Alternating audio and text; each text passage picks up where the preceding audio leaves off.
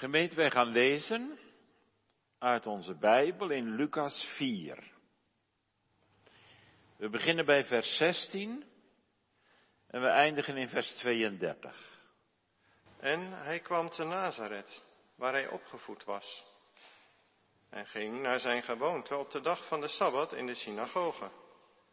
En stond op om te lezen. En hem werd gegeven het boek van de profeet Jezaja. En als hij het boek open gedaan had, vond hij de plaats waar geschreven was, de geest van de Heere is op mij. Daarom heeft hij mij gezalfd. Hij heeft mij gezonden om de armen het evangelie te verkondigen. Om te genezen die gebroken zijn van hart. Om de gevangenen te prediken loslating. En de blinden het gezicht. Om de verslagenen heen te zenden in vrijheid. Om te prediken het aangename jaar van de Heere. En als hij het boek dicht gedaan en de dienaar teruggegeven had, zat hij neer.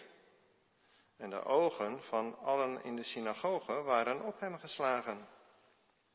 En hij begon tot hen te zeggen, heden is deze schrift in uw oren vervuld. En ze gaven hem alle getuigenis en verwonderden zich over de aangename woorden die uit zijn mond voortkwamen en zeiden, is deze niet de zoon van Jozef? En hij zei tot hen, gij zult zonder twijfel tot mij dit spreekwoord zeggen, medicijnmeester, genees u zelf.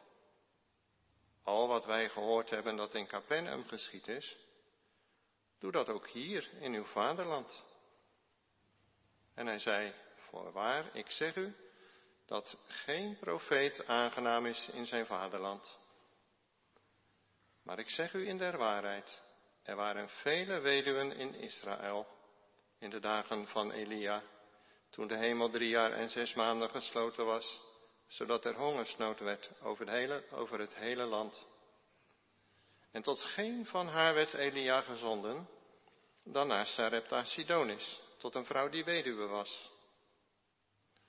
En er waren vele melaatsen in Israël ten tijde van de profeet Elisa. En geen van hen werd gereinigd dan Aman, de Syriër. En zij werden allen in de synagoge met toorn vervuld als zij dit hoorden. En opstaande wierpen zij hem uit, buiten de stad, en leidden hem op de top van de berg, op welke hun stad gebouwd was, om hem van de steilte af te werpen. Maar hij, door het midden van hen doorgegaan zijnde, ging weg. En hij kwam in Capernaum, een stad van Galilea, en leerde hen op de Sabbatdagen. En zij versloegen zich over zijn leer, want zijn woord was met macht. Gemeente, de tekstwoorden kunt u vinden in de schriftlezing. Lucas 4, vers 21, uiteraard in het verband waarin deze woorden staan. Lucas 4, 21, en hij, hoofdletter dat is Jezus, en hij begon tot hen te zeggen, heden is deze schrift in uw oren vervuld. De eerste preek van Jezus in Nazareth. Let dan op drie aandachtspunten. In de eerste plaats de vervulling van de schriften. Want Jezus leest uit Jesaja. In de tweede plaats de inhoud van de tekst. Dat zijn de woorden die hij leest. En in de derde plaats de vijandschap tegen het evangelie. Uiteindelijk willen ze de Heer Jezus doden. Zal je maar gebeuren, gemeente, dat Jezus op de preekstoel staat. Dan zou je zeker niet nalaten om in te tekenen. Om ook naar de kerk te kunnen. Als je wordt uitgenodigd in verband met de coronaregels. Maar door de tekst heen is het toch Jezus zelf die vanmiddag spreekt. Want als dienaar mag ik zijn woord doorgeven. Wat een verantwoording. Bid u daar ook voor, door de week en zondags. Dat het woord recht gepredikt wordt. Alsof Jezus zelf spreekt. Hij spreekt ook nu door woord en geest heel persoonlijk tot ons. En de bedoeling is natuurlijk dat we Hem geloven op Zijn woord.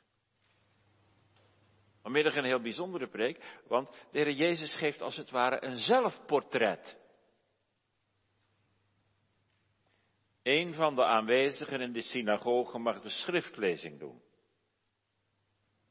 En ik kan me zo voorstellen dat de inwoners van Nazareth een afwachtende houding hebben aangenomen. Zal de Heere Jezus opstaan en naar voren lopen? Dat deed hij in de omliggende dorpen toch ook?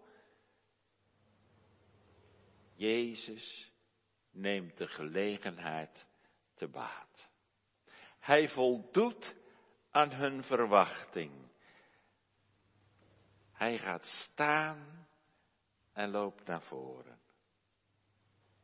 Het wordt muisstil in de synagoge. Hij krijgt de boekrol van Jesaja aangereikt. Want dat staat op het rooster, die Sabbat. En dan gaat hij uitleg geven. Aller oog is gericht op Jezus. Komt u er maar bij vanmiddag. Laten we deze grote dag voor het kleine Nazareth eens proberen mee te leven, mee te beleven. Jezus, de zoon van Maria, is weer thuis. Tot zijn dertigste jaar heeft hij hier gewoond. Iedereen kent hem. Ze kennen Jozef en Maria. Ze kennen zijn broers en zijn zussen. Wie zou hem in het dorpje Nazareth niet kennen? Te midden van hen was hij opgegroeid. Maar hij is vertrokken. En hij schijnt een kring van discipelen om zich heen te hebben verzameld. En men vertelt overal dat hij, dat hij overal wonderen gedaan heeft. Vooral in Capernaum.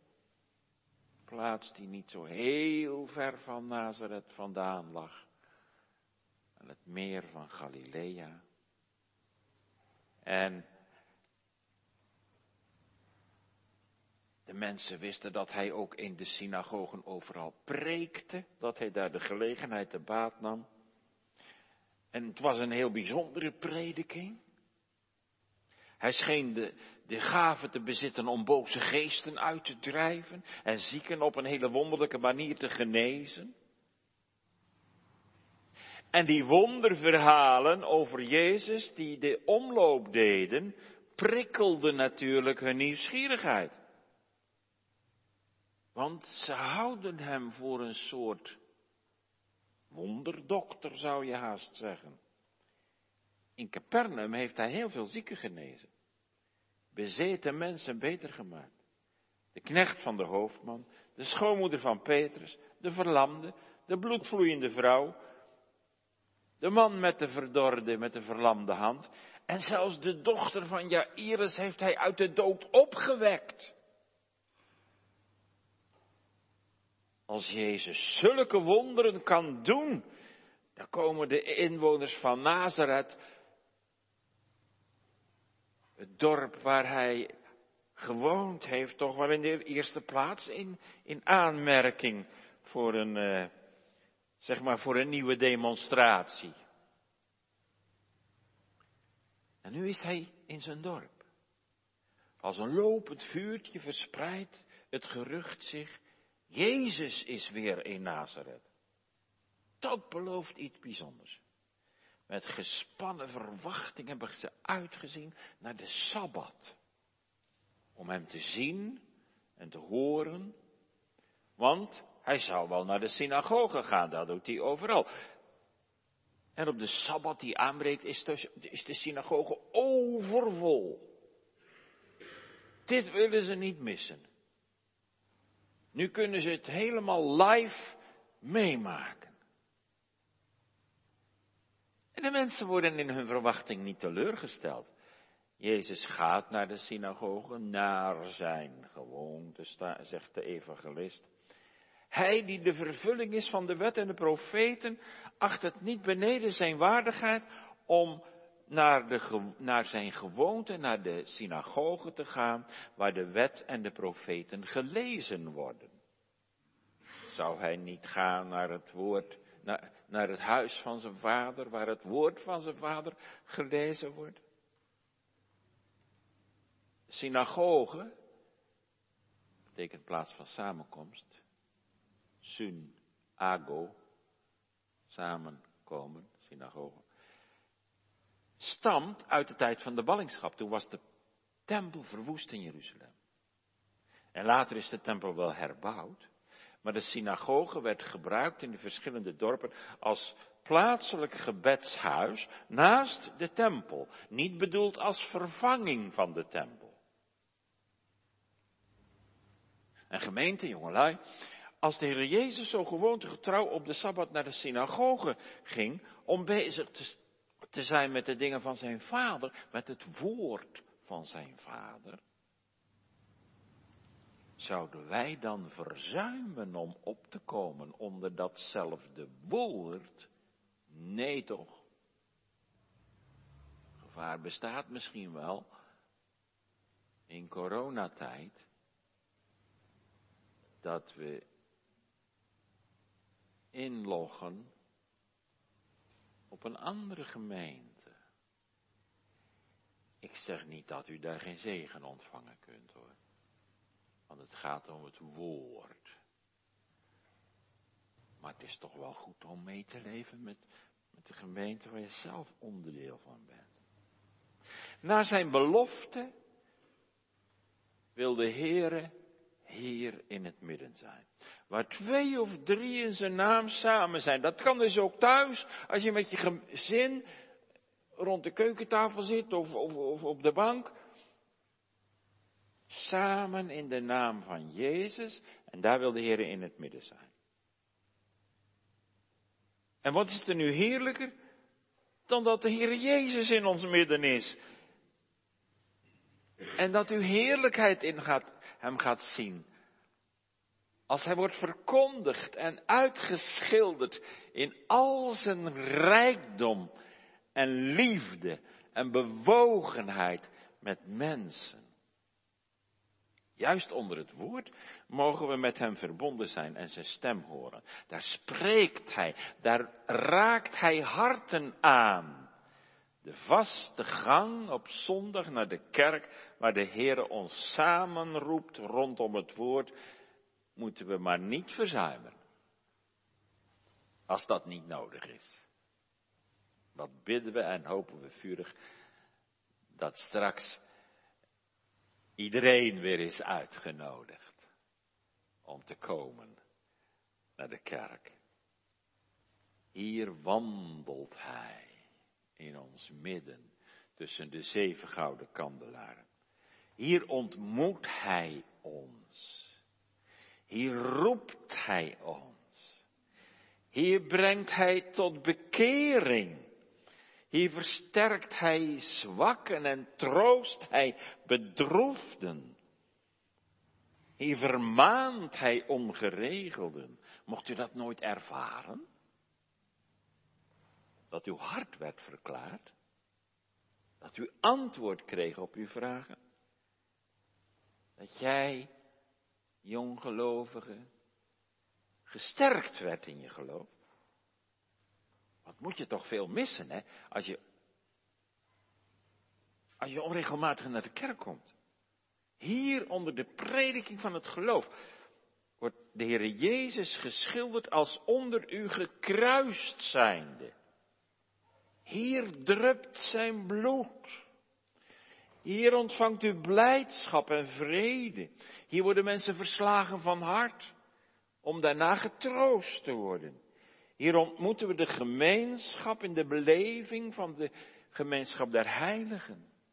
In onze gebeden, in onze offers, onze lofzangen, onze smeekbeden, ons buigen onder het woord van dezelfde God, in het liefhebben van dezelfde koning die ons van Israëls God gegeven is. Herkent u het? Laten we dankbaar zijn. Jezus gaat naar zijn gewoonte, naar de synagoge. Er staat niet naar gewoonte. Dat zou uit sleur kunnen zijn. Je hebt mensen die gaan uit sleur naar de kerk. Nou, dan heb je niet veel verwachting. God kan je natuurlijk wel in je nekvel grijpen, maar er staat naar zijn gewoonte. Dat betekent, dat is zijn gewoonte, dat doet hij altijd. Het wijst niet op sleur. En deze morgen in de synagoge leest hij zelf, dat was in die tijd trouwens de gewoonte, dat een gast werd uitgenodigd, een gast van buitenaf, werd uitgenodigd om de dienst van woord en gebed te verrichten. Eerst doen ze beleidenis. Dat is de vaste liturgie in de synagoge. Wat beleiden ze dan? Het Shema Israël. Het uh, uh, Hoor Israël, de Heere, uw God is een enig Heere. Dan wordt er een stukje uit de Torah gelezen. Uit de boeken van Mozes, de wet. En dan komt het boek uit de Bijbel wat aan de beurt is volgens het rooster. De Heer, eh, de Jezus krijgt Jezaja aangereikt. Hij neemt die eh, Jezaja-rol, geschreven op papyrus, ongeveer 20 meter lang, jongens en meisjes. Dat is een rare Bijbel, hè? 20 meter lang. Nee, ja, als die helemaal uitgerold is. Maar dat hoeft natuurlijk niet. Want aan de ene kant rol je uit en aan de andere kant rol je weer op. Zo ging dat met die rollen. 20 meter. En dan zoekt Jezus Jesaja 61 op. En dan begint hij plechtig en eerbiedig te lezen. De versen 18 en 19, die zijn het citaat wat Lucas aanhaalt en wat de Heere Jezus leest. Nou, dan gaan we even naartoe natuurlijk, naar 18 en 19. De geest des Heeren is op mij. Daarom heeft hij mij gezalfd. Heeft mij gezonden om de armen het evangelie te verkondigen, om te genezen de gebrokenen van hart, om de gevangenen te prediken loslating en de blinden het gezicht, om de verslagenen heen te zenden in vrijheid, om te prediken het aangename jaar des Heren. Dat is de tekst. De Messias zal de Heilige Geest zonder mate ontvangen. De Geest is op mij. De Vader zendt zijn Zoon in de wereld om de blijde boodschap te brengen aan armen, gevangenen, gebroken mensen die een gebroken hart hebben en blinden. Wat schittert hier het evangelie. Plotseling breekt Jezus af. Kom ik zo op terug. Hij leest de tekst niet uit. En hij gaat zitten. Dat was de gewoonte. Lezen deed je staande. En de prediker ging dan zitten en dan ging de, eh, de, de mensen in de synagoge gingen dan ook zitten. De spanning stijgt natuurlijk. Want nu gaat het gebeuren. Aller ogen zijn gericht op Jezus. Er gaat echt iets van deze rabbi uit. Heilige ernst in zijn optreden. In zijn mond worden die oude profetenwoorden fonkelnieuw. De stilte is hoorbaar. En dan, en daar staat onze tekst.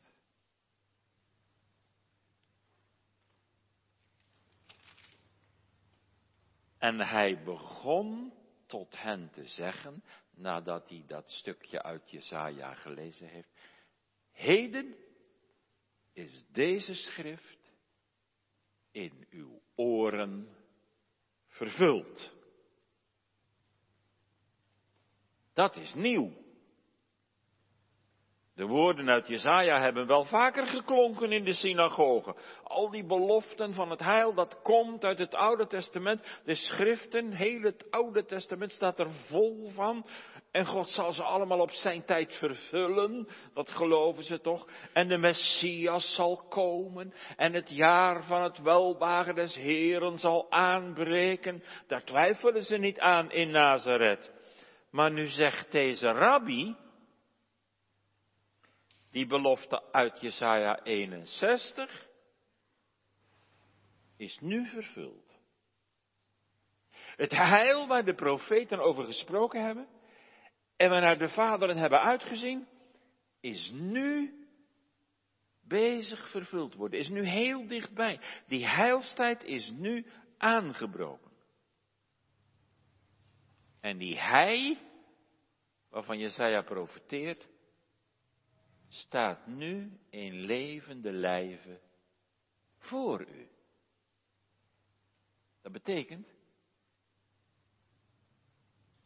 dat ben ik, de Messias, want wat er allemaal gelezen is, dat zijn de dingen die de Messias zal doen. De Messias ben ik. Dat woord laat niets aan duidelijkheid te wensen over. Heere Jezus maakt zich hier in Nazareth openlijk bekend als de door God beloofde Messias en de vervulling van de schriften. Ze horen het nu met hun eigen oren uit zijn mond. Ik ben gezalfd door de Heilige Geest om armen het evangelie te verkondigen. Om ten dode opgeschreven mensen te genezen.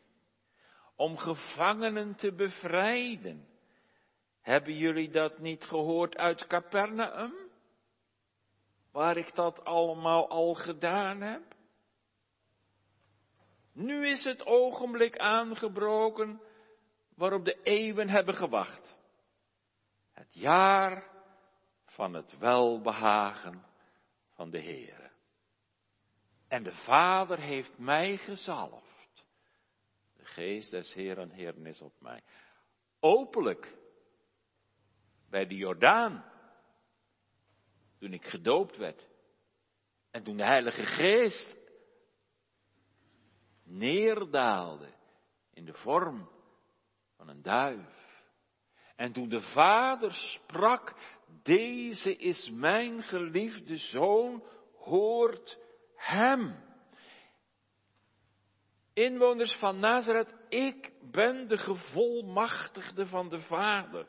Ik ben gezonden op de prediken om mijn messiaanse taak te volbrengen. Ik ben de Messias, ik ben de gezalfde, door God uitverkoren en aangewezen om zijn heil te zijn hier in Israël en tot aan de einde van de aarde.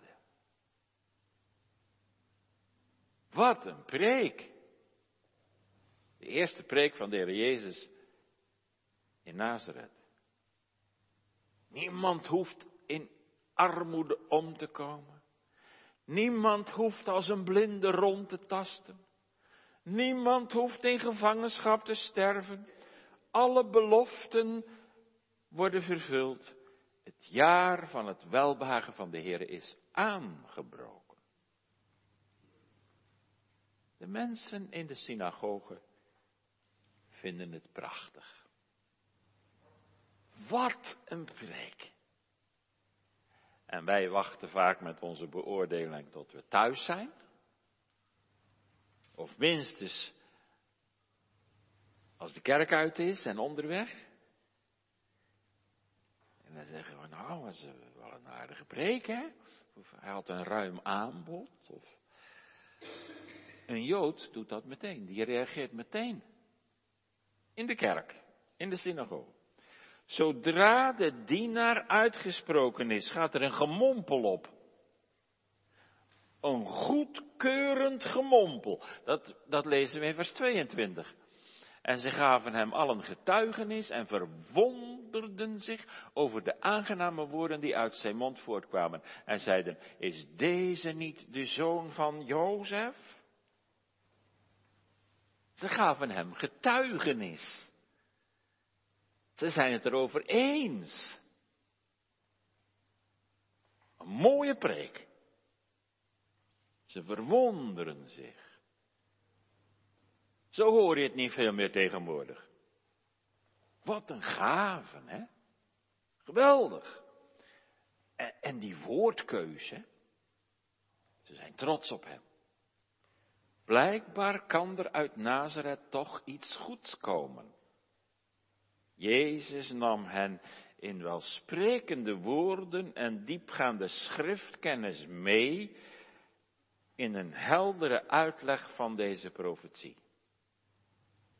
Ze hebben geproefd, gewogen en goed bevonden. Ze verwonderden zich, zegt Lucas, over zijn aangename woorden. Want hij was toch maar gewoon de zoon van Jozef de Timmerman. Zijn theologische vorming was niet optimaal geweest bij de rabbijnen. Daar had hij niet op school gezeten. En dan toch zo'n duidelijke uitleg. Ze waren diep onder de indruk. Maar gemeente, als je het ergens mee eens bent en diep onder de indruk bent, dat is nog niet hetzelfde als geloof. Ik kan er wel mee beginnen. Geloof, waardoor je persoonlijk betrokken bent bij alles. Dat dat zo is, dat blijkt later wel weer. Verwondering is nog geen geloof. Het gaat uiteindelijk om vergeving van zonden, om het persoonlijk kennen van de Heer Jezus als je borg en zalig maakt. En ondanks dat de Joden met zoveel aangenaamheid geluisterd hadden en diepe bewondering hadden voor Jezus, groeide er toch een stukje weerstand in hun hart. Want dat de Heer Jezus dit schriftwoord op zichzelf toepast, ja, dat, dat gaat hen toch te ver. Dat veroorzaakt wrevel echte verzoening met God door het geloof is er alleen in de overgave aan Hem. En u mag ik vragen, heb u dat al gedaan? Heb jij dat al gedaan? Jij en u, die aangenaam luistert en belangstelling hebt voor het evangelie en voor het woord van God. Speurtje zegt wel, de meeste bekeringen beginnen met belangstelling. Maar bij, de, de belangstelling is niet genoeg.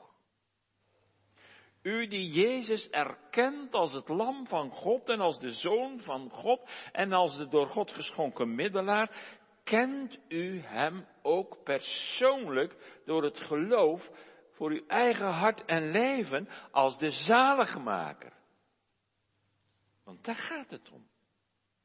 Hij is heden hier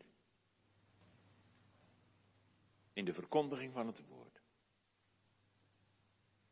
Ook voor u geldt het woord van Jesaja. Heden is deze schrift in uw oren vervuld. Jezus is de door God gegeven zaligmaker. gezonden tot verzoening van onze zonden. Val hem te voet, want wie hem nederig valt te voet, die zal van hem zijn wegen leren. Tot zover ons eerste aandachtspunt. De vervulling van de schriften. En nu de inhoud van de tekst. We gaan in op de inhoud van de woorden die Jezus leest in de profeet Jezaja. We hebben gelezen in vers 22 dat hij aangename woorden sprak. Letterlijk staat er eigenlijk in het Grieks woorden van genade. Ja, dat waren de woorden van Jesaja echt. Jezus spreekt heel bewust alleen genadewoorden. Want bij het citeren van Jezaja, bij het lezen van Jezaja, maar dat, hij, het wordt natuurlijk geciteerd in, in het Lucas-evangelie, dan heeft hij gelezen het uitroepen van het jaar van het wel aangename welbehagen des Heren. Maar bij Jezaja eindigt het daar niet. Maar Jezus stopt daar wel. Hij breekt af. Wat staat er dan in Jezaja achter? U mag het thuis ook opzoeken hoor, dan kunt u nu verder luisteren. Bij Jezaja loopt het verder. En daar staat, en de dag van de wraak van onze God. De wraak over het ongeloof en over de ongelovigen. Maar het laatste heeft de Heer Jezus niet gezegd. Hij heeft alleen genade verkondigd. En niet het oordeel. En dat deed hij heel bewust. Spurgeon heeft daar deze uitleg van. Spurgeon zegt, opdat zijn eerste preek in zijn vaderstad niets dan zachtheid zou ademen. Opdat zijn eerste preek geen woord van bedreiging zou bevatten. Want het was zijn vurige wens dat de stadgenoten behouden zouden worden dat het voor hen geen dag der wraak, maar alleen het jaar van het welbehagen des Heren zou zijn. Mooi om dat te ontdekken. Dat hebben ze in Nazareth trouwens goed gehoord. Woorden van genade. En daar hebben ze zich over verwonderd. U toch ook, hoop ik. Misschien is het niet iedere keer prijs, maar je zal toch wel eens onder het woord zitten en je verwonderen over de grootheid van Gods genade en dat, dat Hij voor zo'n mens als u open staat en zegt je, kom maar, je bent welkom bij mij. Geen gericht, geen oordeel, maar ik heb geen lust in je dood. Bekeer je en leef. De belofte van het evangelie moet ons gepredikt worden. Dat wie in de gekruiste Christus gelooft niet verderven zal, maar het eeuwige leven hebben. Wie in hem gelooft wordt niet veroordeeld. Dat is evangelie. Gemeente, jongelui, mag je die woorden van genade wel eens, wel eens opmerken. Dat ze kracht doen in je hart.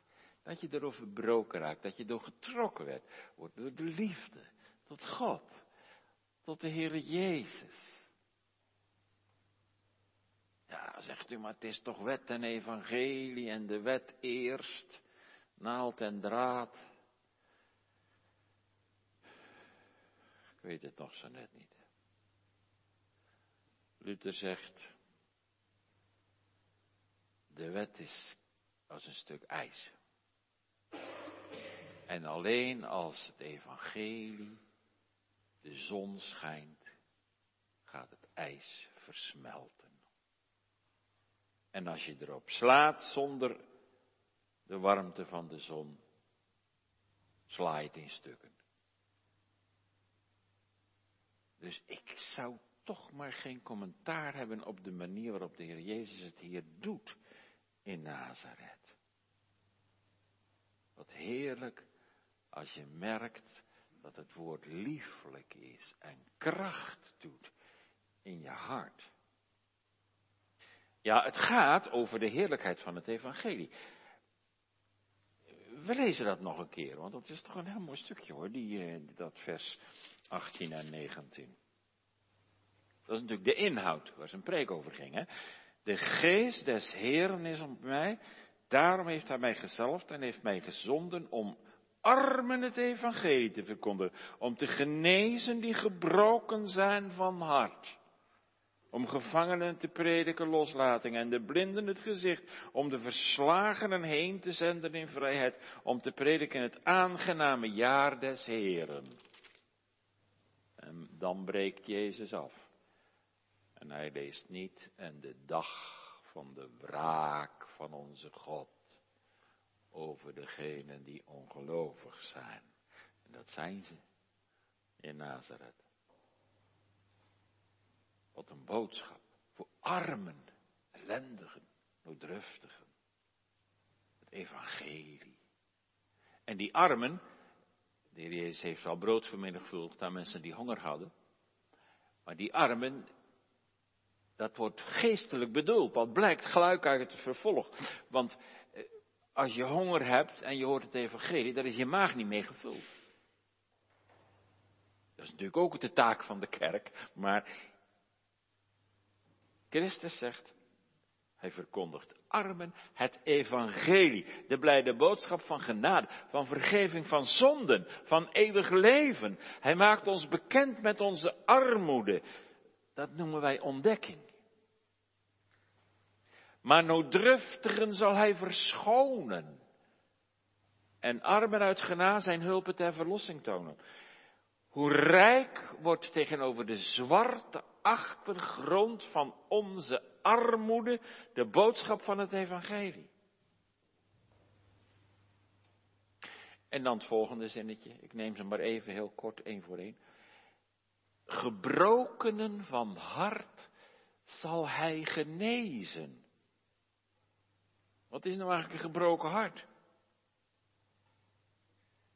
Nou ja, dat is een hart dat gebroken is van verdriet. Als er iets heel erg gebeurt bijvoorbeeld.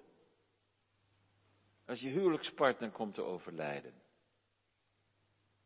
Of je ouders, of je kind. Of een zware handicap. De hele schepping zucht onder de gevolgen van de zondeval. Wat de gebrokenheid in deze wereld. Honger. Miljoenen lijden honger. Aids terreur. Denk aan Afghanistan. De vervolgde kerk.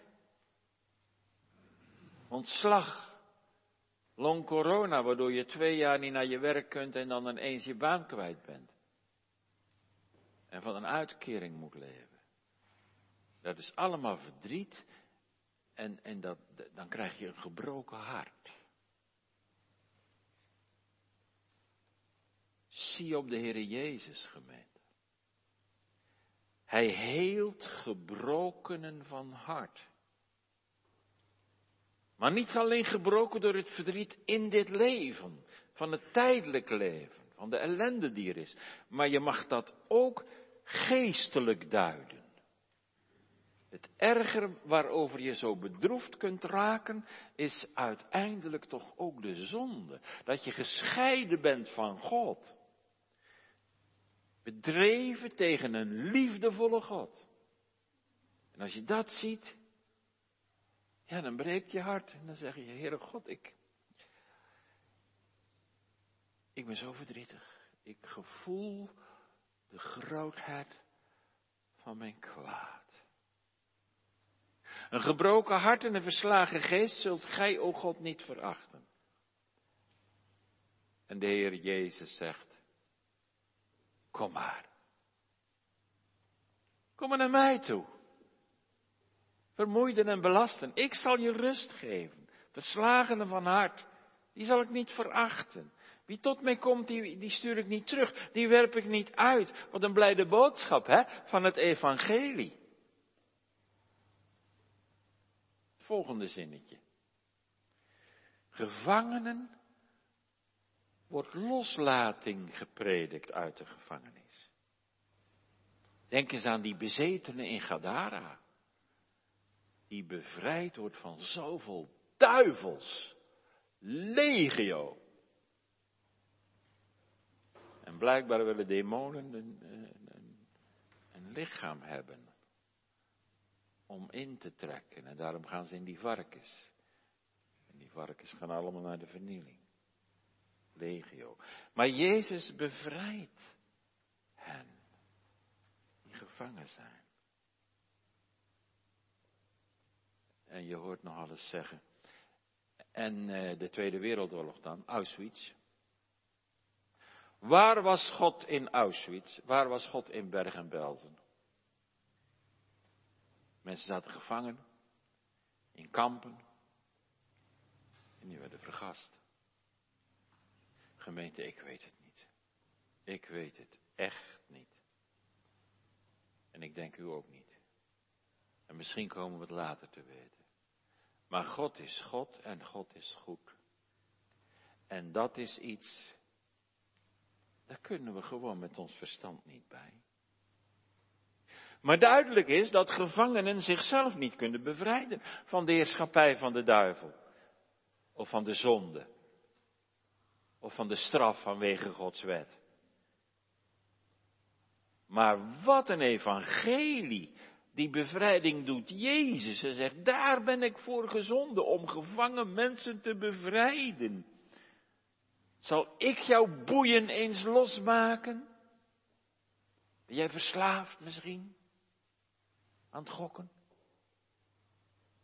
Of aan alcohol? Of drugs? porno. Zal ik je bevrijden? Hij is machtig om het te doen. Door zijn liefde. Wij komen niet verder dan ik ben machteloos gebonden. Maar hij kwam en maakt mij vrij. Los uit de boeien van de zonde, los uit de boeien van de verslaving, los uit de banden van het ongeloof, los vanwege, vanuit de schuld. Het volgende zinnetje. En blinden krijgen het gezicht. Hoeveel blinden heeft de Jezus niet letterlijk genezen? echt een messiaanse, een teken van, van zijn messiaanse taak. Letterlijk. Maar dit mag je ook geestelijk toepassen natuurlijk.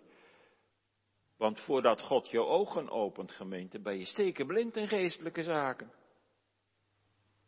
We missen de echte kennis van God.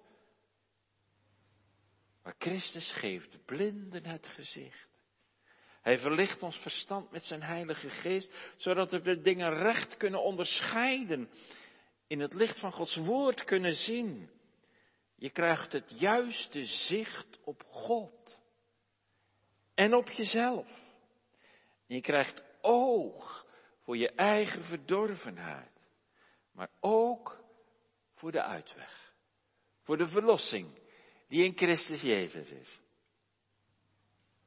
dan gaat het net als bij die blinde man die zegt, één ding weet ik, dat ik blind was en dat ik nu zie. Dat zinnetje komt ook voor in dat mooie lied. Jongelui, dat zouden jullie vanavond kunnen zingen. Amazing Grace. Genade groot. Hij geeft blinden het gezicht. Ik was blind en nu zie ik. Het volgende zinnetje. Verslagenen van de geest ontvangen de vrijheid. Weet je wat dat is? Een verslagen geest. Kijk, als je verslagen bent, dan betekent dat een ander heeft het gewonnen. Een leger is verslagen door het andere Een ander heeft het gewonnen. Je bent verslagen. Dat geeft verdriet, want de vijand heeft het gewonnen. De duivel heeft het gewonnen. In het paradijs al. Je weet geen raad, je bent moedeloos, hulpeloos. In je beleving kan het zijn dat je zegt, ik, ik, ik heb tegen een heilig en rechtvaardig God gezondigd. Ben er helemaal verslagen onder, nu ik dit besef. Je hebt geen tegenwoord, geen weerwoord. Misschien ervaart u dat zo. U die thuis meeluistert. Luister. Jezus is door de Vader gezalfd om uw verslagen geest weer te helen, recht te zetten, aan te zetten, overeind te halen in de heerlijke vrijheid van de kinderen van God. Nou, is dat evangelie of niet? Wat een boodschap. Jezus' Messiaanse Rijk is ook, dat is dat laatste zinnetje van de tekst, waarover Jezus spreekt, om te prediken het aangename jaar des Heren, het jaar van zijn welbehagen. Dat aangename jaar des Heren is een zinspeling op het jubeljaar. Waarin de oude toestand wordt hersteld. Eens in de vijftig jaar was dat. De armen kregen hun verloren gegane bezittingen weer terug. Een slaaf die zich heeft moeten verkopen, eh, een mens die zich als slaaf moest verkopen vanwege de armoede, die krijgt zijn vrijheid weer terug. Het land wat je moest verkopen, dat kreeg je ook weer terug aangenaam jaar, het jubeljaar. Nou, ik denk dat veel mensen nu in de coronacrisis, als dat nog zou bestaan, dat jubeljaar, dan zouden ze daar wel erg naar verlangen. Als je bedrijf failliet gegaan is, dan krijg je alles weer terug. Daar was het jubeljaar voor.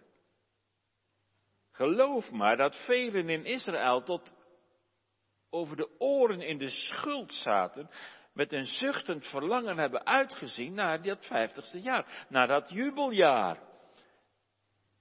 En nu zegt Jezus, met mijn komst in deze wereld is het de vervulling van het jubeljaar aangebroken. De heilstijd. Hij betaalde de schuld. Hij kocht zondeslaven vrij. Hij bevrijdt ze van de macht van de zonde. Wat een heerlijk evangelie. Helemaal niet vreemd dat de mensen zich verwonderden. Maar wat is nu de grote fout van die mensen in Nazareth? Een grote fout is dit. Ze komen niet verder dan, hij is de zoon van Jozef. Dus hij kan de Messias niet zijn. Gewoon mens van een timmerman. Niemand komt op de gedachte, hij is de zoon van God.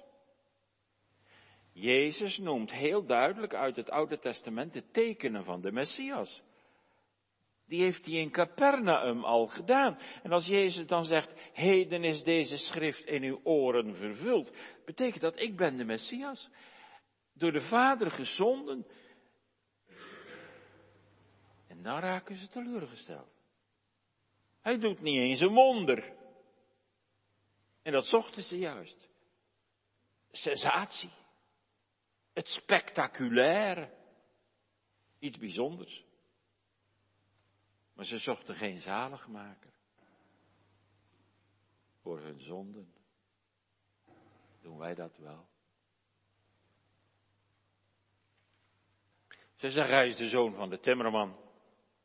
Waar haalt hij de wijsheid vandaan? Hoe durft hij zichzelf de Messias te noemen? Dat is godslastelijk. Jezus voldoet niet aan hun Messiasverwachting. De uiteindelijke toejuiching, ze verwonderen zich over zijn aangename woorden, slaat om in verwerping.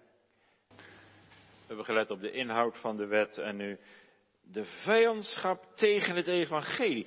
Ik lees met u vers 28. En zij werden allen in de synagoge met toren vervuld als zij dit hoorden. Wij kunnen Jezus binden in zijn werk door ongeloof. U vindt dat misschien raar, want hij is almachtig. Ja. Toch kunnen we Jezus in zijn werk binden door ons ongeloof. Dat staat ook van Nazareth. Daar kon hij geen krachten doen vanwege hun ongeloof. Denk er maar eens over na. In hoeverre je dan zelf schuldig staat aan dat ongeloof.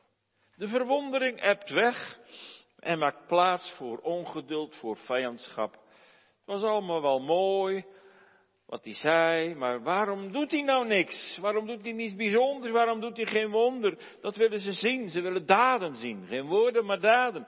Jezus heeft ze in feite voor een beslissing geplaatst. Want hij heeft deze gezegd, ik ben de Messias. En als ze dat geloven moeten, moeten ze in hem geloven. Dan moeten ze voor hem buigen. Maar dat gaat de mensen in Nazareth veel te ver zoon van Jozef. Maar een gewone man. En Jezus doorziet hun gedachten. En hij begrijpt wat ze van hem verlangen. En dan gaat hij een hele scherpe toepassing maken, die ze niet verwachten. Ze willen een wonder zien. Jezus weet dat ze hem niet erkennen als de Messias. Dan gaat hij hun, hun ongeloof blootleggen door twee wonderen te vertellen. Die gebeurd zijn. Hij geeft geschiedenisles. Wat voorgekomen is bij de profeten, die voor hem gekomen zijn, die is het niet anders vergaan.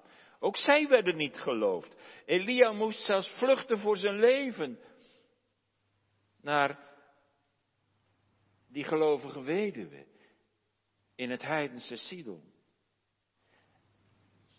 En de heidense Naaman geloofde uiteindelijk in het woord van Elisa en hij werd gereinigd. Die twee voorbeelden staan in de schriftlezing.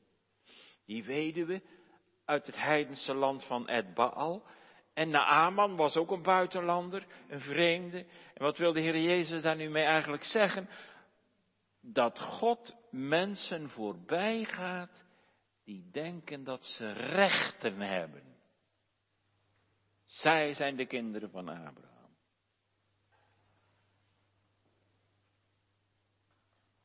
Zij hebben een schreefje voor.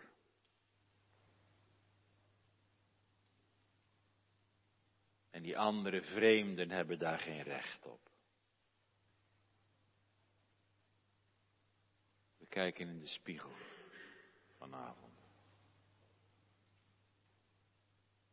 We staan er heel dichtbij, bij het heil.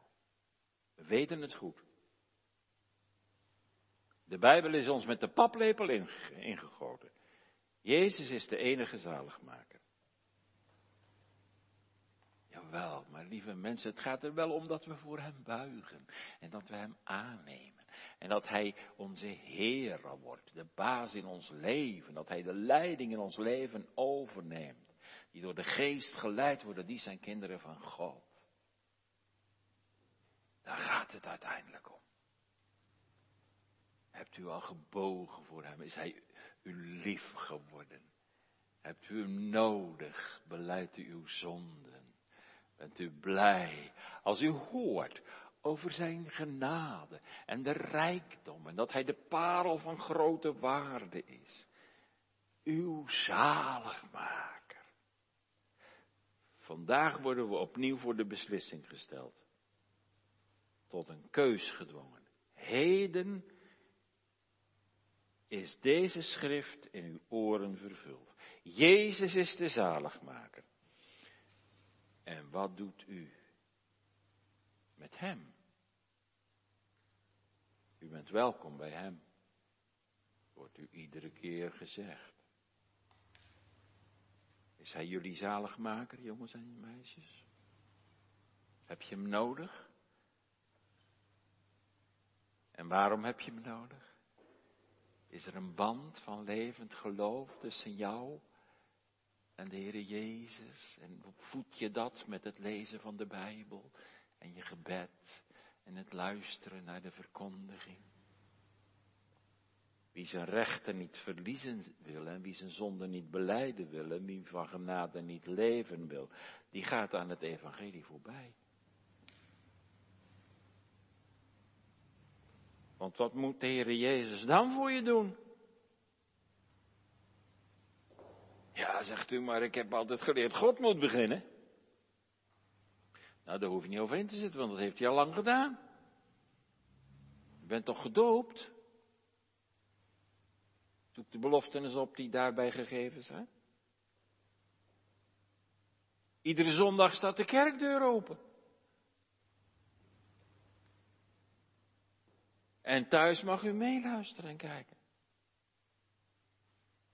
En u hoort de boodschap, hoort en uw ziel zal leven. Neem dat is mee, lieve mensen. En verwerp de Heer Jezus niet als de zaligmaker zoals hij zich aanbiedt. En zoals die mensen van Nazareth deden. Als het vuur ze aan de schenen gelegd wordt, dan worden ze eigenlijk woedend. Zo kwaad dat ze Jezus willen doden. Jezus maakt de preek veel te persoonlijk. Hij stelt ze voor de keus, voor of tegen. En zo stelt hij hun ongeloof aan de kaak. Hij zet hen te kijk, hij zet ze in hun hemd. Heel het volk. Al die mensen in de synagoge. Daarom worden ze boos. Zolang je wat algemeen preekt en spreekt. We zijn allemaal zondaars. We hebben daar nergens recht op. Dan gaat het nog wel. Dan zeggen we ja, zeker. Maar als het heel persoonlijk wordt en je voelt je aangesproken en je wordt er kijk gezet en er wordt gezegd vanuit de Bijbel, ongeloof is eigen schuld en dat moet je veranderen. Ja, dan, dan, dan dan, dan, deugt de preek ineens niet meer of de prediker, dan komt je ongeloof openbaar. Leg uzelf in al uw machteloosheid, gemeente, maar voor de Heer Jezus neer. En zeg, Heer, u bent gekomen om gevangenen te bevrijden en gebrokenen van harte genezen. Hier is zo'n persoon. Zo is het met mij. Doe gelijk gij gesproken hebt, Heere. Hier kom ik arm en naakt tot de God die zalig maakt. Dan zal hij horen, dan zal hij je in de vrijheid zetten. Zodat je het zingen mag. Nu ken ik die waarheid zo diep als gewis dat Christus alleen mijn gerechtigheid is. Een lied van McChain. In Nazareth slaat de stemming helemaal om. Die verwondering maakt plaats voor woede. Zo gaan ze om met Gods gezalfde, op wie de geest des Heren is. Ze willen Jezus zonder vorm van proces doden. Wat een haat. Ze duwen hem buiten de stad en, en, en ze willen hem het ravijn induwen. Doden.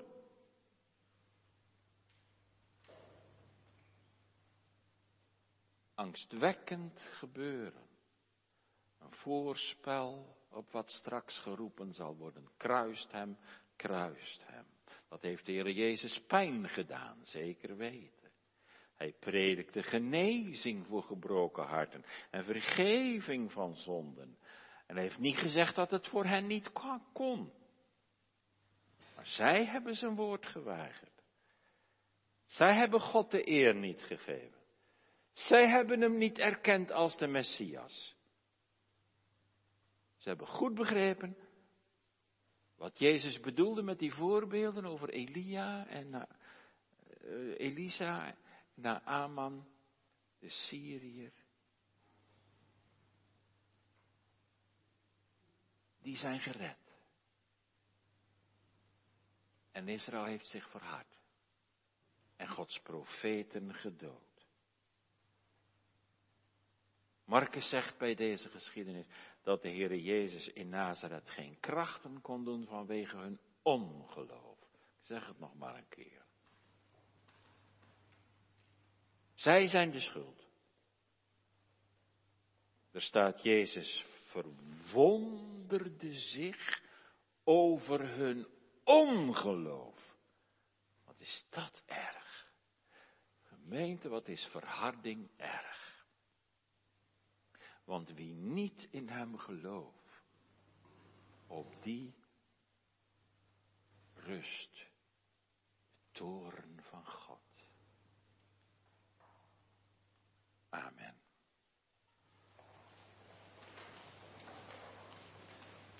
Dank u, heren, voor uw woord.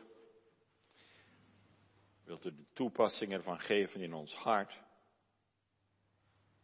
Mogen we de lessen meenemen? Betroost worden uit al die zinnetjes die u las uit Jesaja.